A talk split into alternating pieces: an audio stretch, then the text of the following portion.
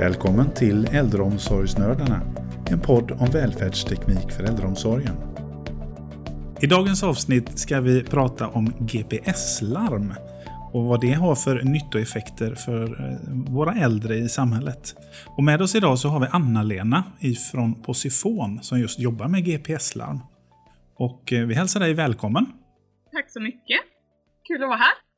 Och jag heter Mattias och med oss har vi ju också såklart Linda, hejsan! Och eftersom Anna-Lena är med oss på Teams idag så är det ju si och så med ljudet. Men det får vi acceptera eftersom vi är mitt uppe i en pandemi här. Så för säkerhets skull så håller vi det här på distans. Vi kan väl dyka rakt in Anna-Lena. Du kan väl berätta lite vem du är och vad Posifon är? Ja men precis. Anna-Lena som sagt och har varit på Posifon i nu snart fyra år. Posifon har ju hållit på med GPS-larm under ganska många år. Startade någon gång 2008-2009. Och då var det faktiskt två herrar från Volvo och Ericsson som sa att man borde kunna ta tekniken till vården.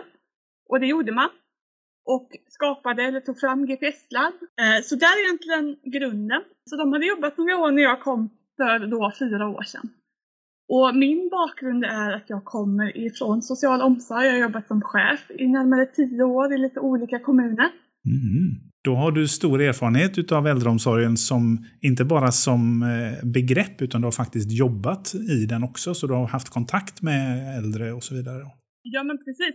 Eh, mitt mål när jag växte upp var ju att eh, jag absolut inte skulle hamna inom vården. Jag tyckte det var det sämsta jobbet som fanns. Men växer man upp som jag i Färgelanda så får man sommarjobb på äldreboendet och så inser man att det är väldigt roligt och utvecklande att jobba mm. med människor. Ja. Och det gjorde att jag utbildade mig inom den världen. Sökte också då sommarjobb som enhetschef. Så när jag går ut till min pappa och är lite så här förskräckt över den här möjligheten eller rädd eller tänkte att hon måste ha ringt fel. Så sätter sig min pappa ner och så lägger han armarna i kors och så säger han så här. Men Anna-Lena, vad kan du förstöra på sex veckor? ja. Och det är lite grann ingången till varför jag står här idag. Så mitt mm. uppdrag på Sifon är ju mycket att stötta i de här frågorna kring införande, implementering, målgrupper, hur jobbar vi med handläggarna, vad behöver vi tänka på när vi biståndsbedömer GPS-larm? Just det. Mm. Mm. Jag tänker på Sifon som företag, ni sitter i Göteborg. Eh, hur många anställda är ni och hur, hur många kommuner är det idag som använder era produkter? Eh, vi är åtta heltidsanställda. Ja. Och idag har ju vi över hundra kommuner som våra kunder. Ja. Mm. Vad jag tycker är, är oerhört viktigt och framförallt har varit en viktig del i utvecklandet av vårt arbete på Posifon, det är att vi startar ett FoU-projekt tillsammans med åtta kommuner. Det var de åtta kommunerna som hade kommit längst eller som var väldigt aktiva i arbetet kring GPS-labb. Eh, och tillsammans så satte de sig ner. Eh, man delade in de här kommunerna i tre olika grupper alla fick vara med på allt, men man kanske brinner lite särskilt för något. Mm. En grupp kollar på IT-säkerheten. Vad ska vi fylla systemet med? Hur ska det se ut? Hur förhåller vi oss till GDPR? Mm. Eh, för även om vi kanske inte jobbar med juridiskt känsliga frågor så är ju informationen om var jag befinner mig mm. och att andra kan se det någonting som vi behöver förhålla oss till med respekt. Just det. Och då behöver den här gruppen utveckla de frågorna. En grupp kollar på användarperspektivet, både som mm. personal men också som anhörig. Vilken information vill man få? När vill man få informationen? Hur mycket information ska man dela med sig? Mm. Eh, här jobbar vi mycket med handlingsplaner, att man ska få rätt information i rätt tid och så vidare. Och en grupp kollar naturligtvis på brukarperspektivet. Mm. Vilken information vill man dela med sig av? Hur mycket information vill man dela med sig av? Och när ska det göras? Mm. Ja, det var ett intressant projekt. Det, jag förstår att det är, det är vägledande för eh, vidareutvecklingen också utav produkten och, och tjänsterna som ni erbjuder. Ja, men så är det absolut. Och mm. vi har ju faktiskt här under ett tag tillbaka byggt en eh, utbildningsmiljö tillsammans med några av de här kommunerna för att eh, lära sig tekniken men framför allt också kunna utbilda på distans kanske eller att upprätthålla sin kompetens. Det är inte så ofta som någon kanske larmar som man tror. Och då är det naturligtvis viktigt att man kan öva på detta. Så det bygger vi tillsammans med några kommuner och också då forskare från Skövde högskola. Okay. Mm. Spännande. Vad är det då för lösningar som ni, ni har och eh, erbjuder? Eh, det är flera olika GPS-labb. Och det är ju det är viktigt att säga tycker jag att det är flera olika enheter. För det som vi vill vara duktiga på och det som vi vill trycka på är möjligheten att kunna individanpassa de här tjänsterna. Har man Mm. ett eller två GPS-labb så tilltalar ju det kanske ganska många, men ska man kunna tillgodose det behovet som den kommunala verksamheten har så behöver man ha flera olika valmodeller. Mm. Dels olika funktionalitet, men också olika sätt att bära enheterna på. För Okej. det ska ju kunna underlätta för samtycke och att man ska tycka om sin enhet och faktiskt kunna använda dem på ett bra sätt. Mm. Vad är det för olika funktioner som du nämner där då? Vad finns det för olika typer av GPS-larm? Jag brukar prata om passiva och aktiva GPS-larm. Det är liksom första utsorteringen, eh, om man ska säga så. Passiva GPS-larm, det är ganska enkelt. De har ingen larmknapp. Det skulle kunna vara vår skosula. Det finns alltså ingen högtalare och mikrofon, så man kan inte kommunicera med en passiv enhet. Utan den ställer vi in på det sättet så att den ska reagera så att omgivningen kan få information för att stödja den enskilde. När det kommer till de aktiva enheterna så har ju de då däremot en larmknapp och kan kommunicera vid, de har högtalare och mikrofon.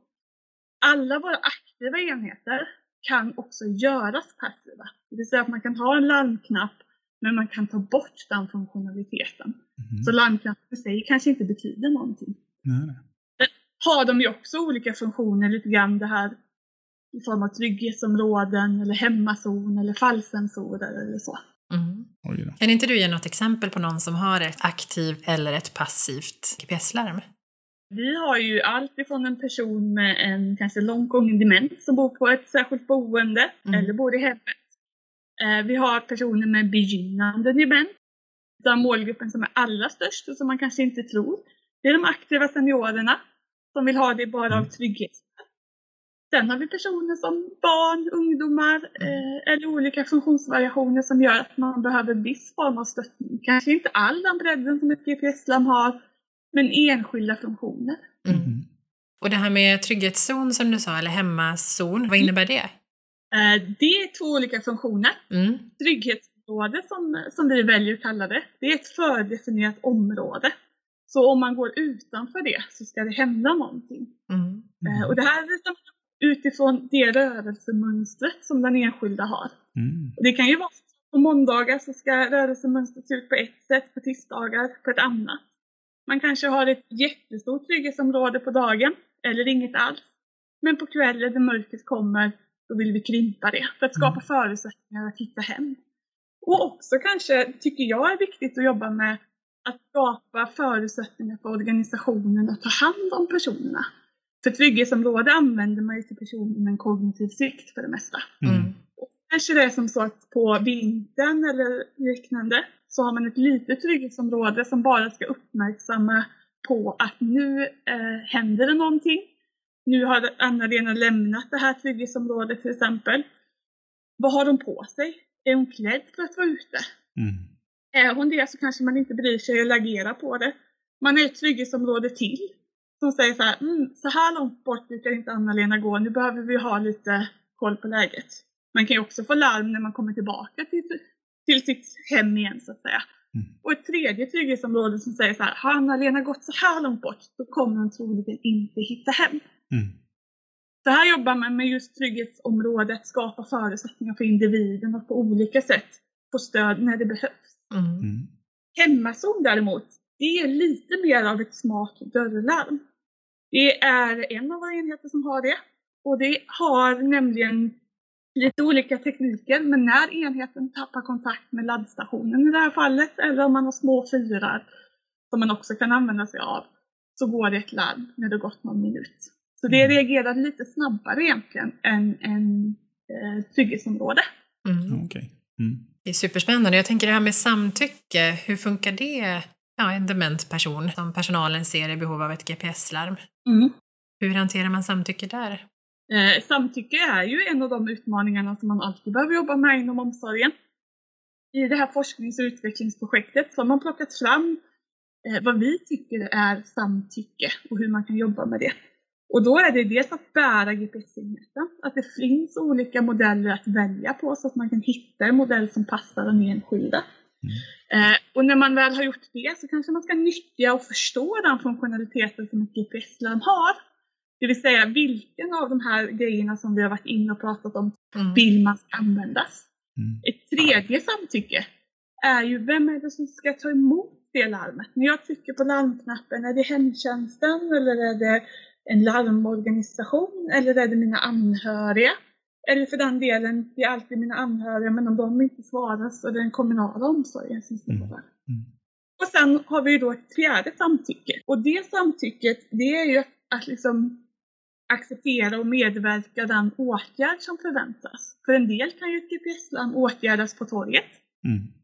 Medan ibland är det i hemmet eller på tomten eller så, eller följa med tillbaka. Mm. Så det är ju fyra delar så som man kan bryta ner samtycket. Mm. Sen är det klart att för personer med långt gången demens mm. så är ju det här en svårare fråga. Mm. mm. Då behöver man ju ta in mer parametrar. Kanske, eh, vi har ju bland annat plockat fram underlag för att kunna jobba med samtycket. Har man tänkt igenom samtycket ordentligt? Eh, vad innebär det om man inte får ett GPS-land till exempel? Mm. Men också att ge stöd till personalen de här frågorna. För att ska du få ett samtycke till exempel när du är ute och möter någon så behöver du kanske ha lite strategier för det. Mm. Så det finns jättemånga eh, bra och fixliga saker att använda sig av. Och vi, vi kan också logga samtycket. Mm. Okej. Okay. Jag tycker ju det här låter jätteintressant och det är säkert många som lyssnar som också tycker att det låter intressant. Men hur ska man då inventera behovet? Jag tycker det är viktigt att man inte gör det för svårt. Eh, många av oss förstår ju att det finns mycket nyttoeffekter i form av självständighet, trygghet i olika situationer, man kan fortsätta och bibehålla en aktivitetsnivå som man kanske eh, önskar. Eh, och kan stödja med olika former av hushållssysslor. Eh, men det som jag brukar säga som är så lite grunden, det är att hör dels med era chefer, de vet ju ungefär hur det ser ut på sina boenden och vi har ju naturligtvis lite information om hur många brukar vilja ha ett GPS-larm när man bor på ett särskilt boende. Och sen glöm inte bort era handläggare. De är ju de första personerna som möter de här personerna ute. Mm. Som tar reda på vilka behov som finns.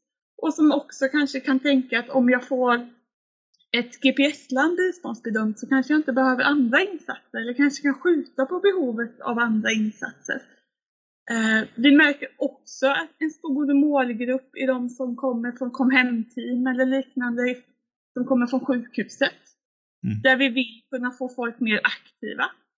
Man åker hem och så får man ett trygghetsland som fungerar i hemmet. Men det kanske är som så att man var ganska aktiv och var ute och gick innan man hamnar på sjukhuset. Att ett GPS-land faktiskt kan främja rehabiliteringen och gör att det kommer igång betydligt snabbare. Mm. Men så, så gör en liten omvärldsbevakning, men framförallt ta också av den kompetensen som finns i kommunerna runt omkring. Det finns jättemånga kommuner som har utvecklat jättemycket bra saker som ni kan dra nytta av och lära er av. Ehm, och det har ju ni på, både ni på Foniro och vi på Posifon eh, möjlighet att guida i och höra vilka kommuner som man kan kontakta. Mm. Mm. Hur gör man då ifall man känner att ja, men, det finns ett behov här, vi har eh, fem vårdtagare som skulle behöva ett GPS-larm. Hur stor är tröskeln då till att faktiskt få det på plats för att implementera det här och hur stort projekt behöver man och hur svår, hur svår är den här tekniken egentligen, Anna-Lena? Ja, precis. Ja. Jag får säga den är precis så svår som man gör den. Mm. Eh, säga att jag tycker att det är jätteviktigt att testa. Känner man sig osäker så tar man ju ett möte tillsammans med oss eller där vi kan hjälpas åt. Där vi kan stödja i vilka enheter tror vi fungerar bäst. Eh, man får tillgång till enheterna genom att man har en dialog med er på, på Fonir och Linda till mm. exempel som kan stötta införandet. Precis. Här är vi ett väldigt nära samarbete, Anna-Lena, och er funktionalitet är ju dessutom integrerad i vår Senior Living-app. Så att har man vår funktionalitet och larmsystem på ett boende så kan man ju där få upp ja, GPS-positionering och, och där är ju allt integrerat i samma app. Så att det är ju väldigt smidigt mm. Eh, och snyggt gjort. Mm. Så lägg det på den nivån som ni önskar och vill, men framförallt kom igång. Mm. Mm. Det är liksom starten. Testa att sätta ett larm på er själva, gå ut, larma, Mm. skapa trygghetsområden, Mm. gör alla sådana saker som att man känner sig bekväm med tjänsten. Mm. Har ni märkt någon förändring i och med pandemin som eh, startade för ja, ett år sedan typ? Eh, Vi kan ju se att de kommunerna som har infört GPS-larm och liksom var färdiga med den pucken, de har ju verkligen dragit nytta av det här, utvecklat tjänsterna, kanske jobbat med mer bredd i målgrupperna, eh, att kunna tillgodose utevistelser till exempel i form av GPS-larm, att kunna hålla social distans men ändå vara ute och vara aktiv. Eh, Så de kommunerna har nog lite grann gasat eh, Jaha. med sin användning. Mm. Och de kommunerna som kanske inte riktigt hade kommit igång, eh, där har det naturligtvis varit lite svårare för det är, det är naturligtvis som så att de har andra saker som måste prioriteras. Mm. Men vi ser nu framförallt, och det är väl ganska naturligt, både utifrån att vi befinner oss att våren är på ingående här och kanske nu att pandemin ändå har blivit lite mer av en, om man säger vardag Mm. eh, i verksamheterna gör ju att de här frågorna kommer upp på bordet igen. Mm. Och det är klart, en nyttoeffekt med GPS-larm det är ju just att man faktiskt kan vara ute. Så det är väl en jättebra eh, sak nu i, i pandemitiden också att de äldre faktiskt kan komma ut för att slippa isolering. Mm. Och vad jag också kan tycka är viktigt att säga här, det är ju att, att det man kanske oroar sig för som kommun och särskilt som larmmottagare, det är ju det här, åh herregud, ska det börja larma hela tiden just nu? Och hur ska vi hinna hämta? Och, behöver vi ha en bil i verksamheten? Och lite den typen Mm, av frågor. mm. Och det brukar lugna ner sig ganska så fort. För tittar man på den aktiva senioren så har vi kommuner som har flera hundra larm som säger här, ja de larmar i snitt en gång per år och brukar det. Och då kan man Mm. ofta avhjälpa det via telefon. Mm. Mm. Så de larmerna, de kommer inte ske så frekvent. Och de kan ju liksom tala med. Men däremot om man ser Gun då, som vi ofta pratar om, den här kvinnan med långt gången demens. Där kommer vi ju larma oftare. Mm. Men där vill man ju få mycket larm. För det innebär ju att dels att vi kan se över hennes behov av stöd och hjälp, men också Mm. att vi som organisation kan förbereda oss. Så när vi ska hämta Gun så är hon inte långt borta, utan vi vet ungefär hur lång tid det tar att gå dit. Mm. Hur kan vi förhålla oss till det? Eh, hon kanske kommer tillbaka självständigt. Mm. Så här behöver man ju liksom jobba lite med olika lösningar. Ja, just det. Ja, det är jätteintressant och du nämnde ju i början där också att det är inte själva tekniken som är i fokus utan att det just är individen. Det finns flera olika lösningar men att man alltid måste se till vem, vem är personen som ska ha det här och hur kan vi stötta den på bästa sätt? Ja, men precis.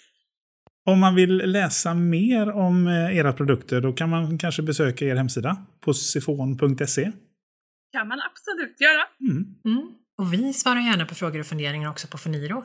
Absolut. Såklart, vi som är så nära samarbetspartner. Ja. Så vi har också koll på vissa delar och ganska bra, men sen får vi ta hjälp av Anna-Lena och gänget ifall det är något mer ingående. Ja. ni som är experterna som sagt. Exakt så. Jätteroligt samarbete måste jag säga. Mm. Verkligen. Ja, men det här har varit jätteintressant att få en liten inblick i just GPS-larm och hur det funkar och vad man behöver tänka på och så här. Så eh, tack så jättemycket Anna-Lena för att du ville vara med oss och eh, berätta om er verksamhet. Tack så mycket. Nästa gång Linda så tror jag att vi kommer ha ett väldigt intressant avsnitt också. Mm, För då ska vi prata med Therese från Äldrekontakt. precis. Och det kommer att bli spännande. Det vill ni absolut inte missa. Har ni några frågor eller ni har några tips på saker som ni vill att vi ska ta upp så får ni jättegärna mejla till oss på podcast.foniro.se. Eh, Men i övrigt så är vi faktiskt klara för idag. Så tack så mycket för idag alla som har lyssnat och vi, vi ses nästa gång. Tack så mycket. Ha det bra. Hej då! Hej då!